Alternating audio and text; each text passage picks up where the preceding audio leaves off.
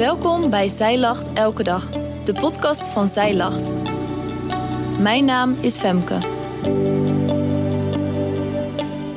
Dit is de overdenking van 30 oktober, geschreven door oudschrijfster Jacomien van Urk. Het is volbracht. Dit is een van de zeven kruiswoorden van Jezus. En misschien zouden we wel kunnen zeggen dat het een van de belangrijkste uitspraken van Jezus is. Wat is de diepere betekenis van dit woord? En hoe heeft dat zijn uitwerking op het leven van alle dag? Laten we eerst kijken naar het moment waarop Jezus het zegt. Daarna wat de precieze betekenis is van het ene Griekse woord en welke uitwerking dit heeft in ons leven. In Johannes 19, vers 28 tot 30 staat het volgende. Hierna zei Jezus, omdat hij wist dat nu alles volbracht was, opdat het schriftwoord vervuld zou worden. Ik heb dorst. Er stond dan een kruik vol zure wijn en ze vulden een spons met zure wijn, staken die op een hysoopstengel en brachten die aan zijn mond. Toen Jezus dan de zure wijn genomen had, zei hij: Het is volbracht.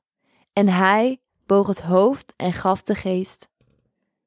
Het verlossende woord, het is volbracht, klinkt op de scheiding tussen leven en dood. Jezus heeft alles gegeven en de zware toorn van God gedragen.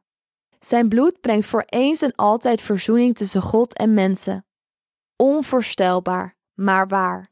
En op dat moment roept Jezus het uit: Het is volbracht. In het Grieks is het woord tetelestai. Dit betekent letterlijk het doel is behaald. Het beslissende woord voor de Vader, gesproken door zijn enige geboren zoon. Jezus kocht ons vrij met zijn bloed om ons eeuwig te laten leven in vrede met God de Vader. Dit ene woord van Jezus heeft impact op ons leven van elke dag. Want als wij werkelijk geloven dat Jezus alles heeft volbracht, ook voor jou persoonlijk, dan is dat levensveranderend. Ik las in een fictief boek over het leven van Lydia, een purperverkoopster. Paulus is bij haar op bezoek en ze staat voor een enorme uitdaging. Paulus bidt samen met haar, maar vraagt er ook naar wat het volbrachte werk van Jezus voor haar persoonlijk betekent. Hij zegt tegen haar: Ik wil maar zeggen dat het werk van Christus zijn schaduw over je leven werpt, of je nu een wonder krijgt of niet. Hij kan je ook geduld geven in plaats van een wonder, of vrede te midden van tumult. Hij kan je wijsheid geven als je het allemaal niet meer weet. Of hij kan je hand vasthouden zoals alleen Christus dat kan, en je moed geven om je knikkende knieën te sterken. Zijn werk is volbracht. Begrijp je dat? Die vervulling zal zijn schaduw werpen op al je onvoltooide werk. Het deed mij nadenken over de uitdrukking van het volbrachte werk van Jezus op mijn leven van alle dag. Het offer van Jezus reikt zoveel verder dan alleen de verlossing van mijn zonde. Ook mijn heiliging heeft Hij betaald. Ik mag schuilen achter Zijn volbrachte werk. Al mijn onvoltooide werk mag ik plaatsen achter Zijn voltooide werk. En ik mag verwachten dat Hij gaat uitwerken in mijn leven wat Hij al betaald heeft waar Hij zijn leven voor heeft gegeven. Zoals Efeze 2 vers 10 zegt, de werken die God van tevoren bereid heeft, opdat wij daarin zouden wandelen.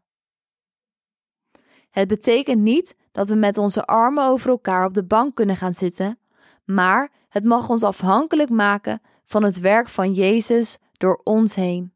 Het geeft het gebed in je hart: Heer, wat u wilt, dat ga ik doen. Het geeft het geloof dat Jezus dit ook werkelijk zal uitwerken in jouw leven, opdat Hij het zelf heeft voorbereid door Zijn volbrachte werk. Hij zal er ook in voorzien.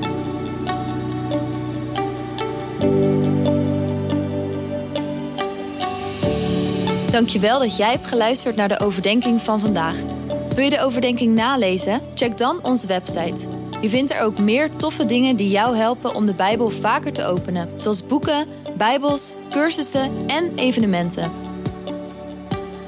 Morgen ben ik weer bij je terug met een nieuwe overdenking. Tot dan!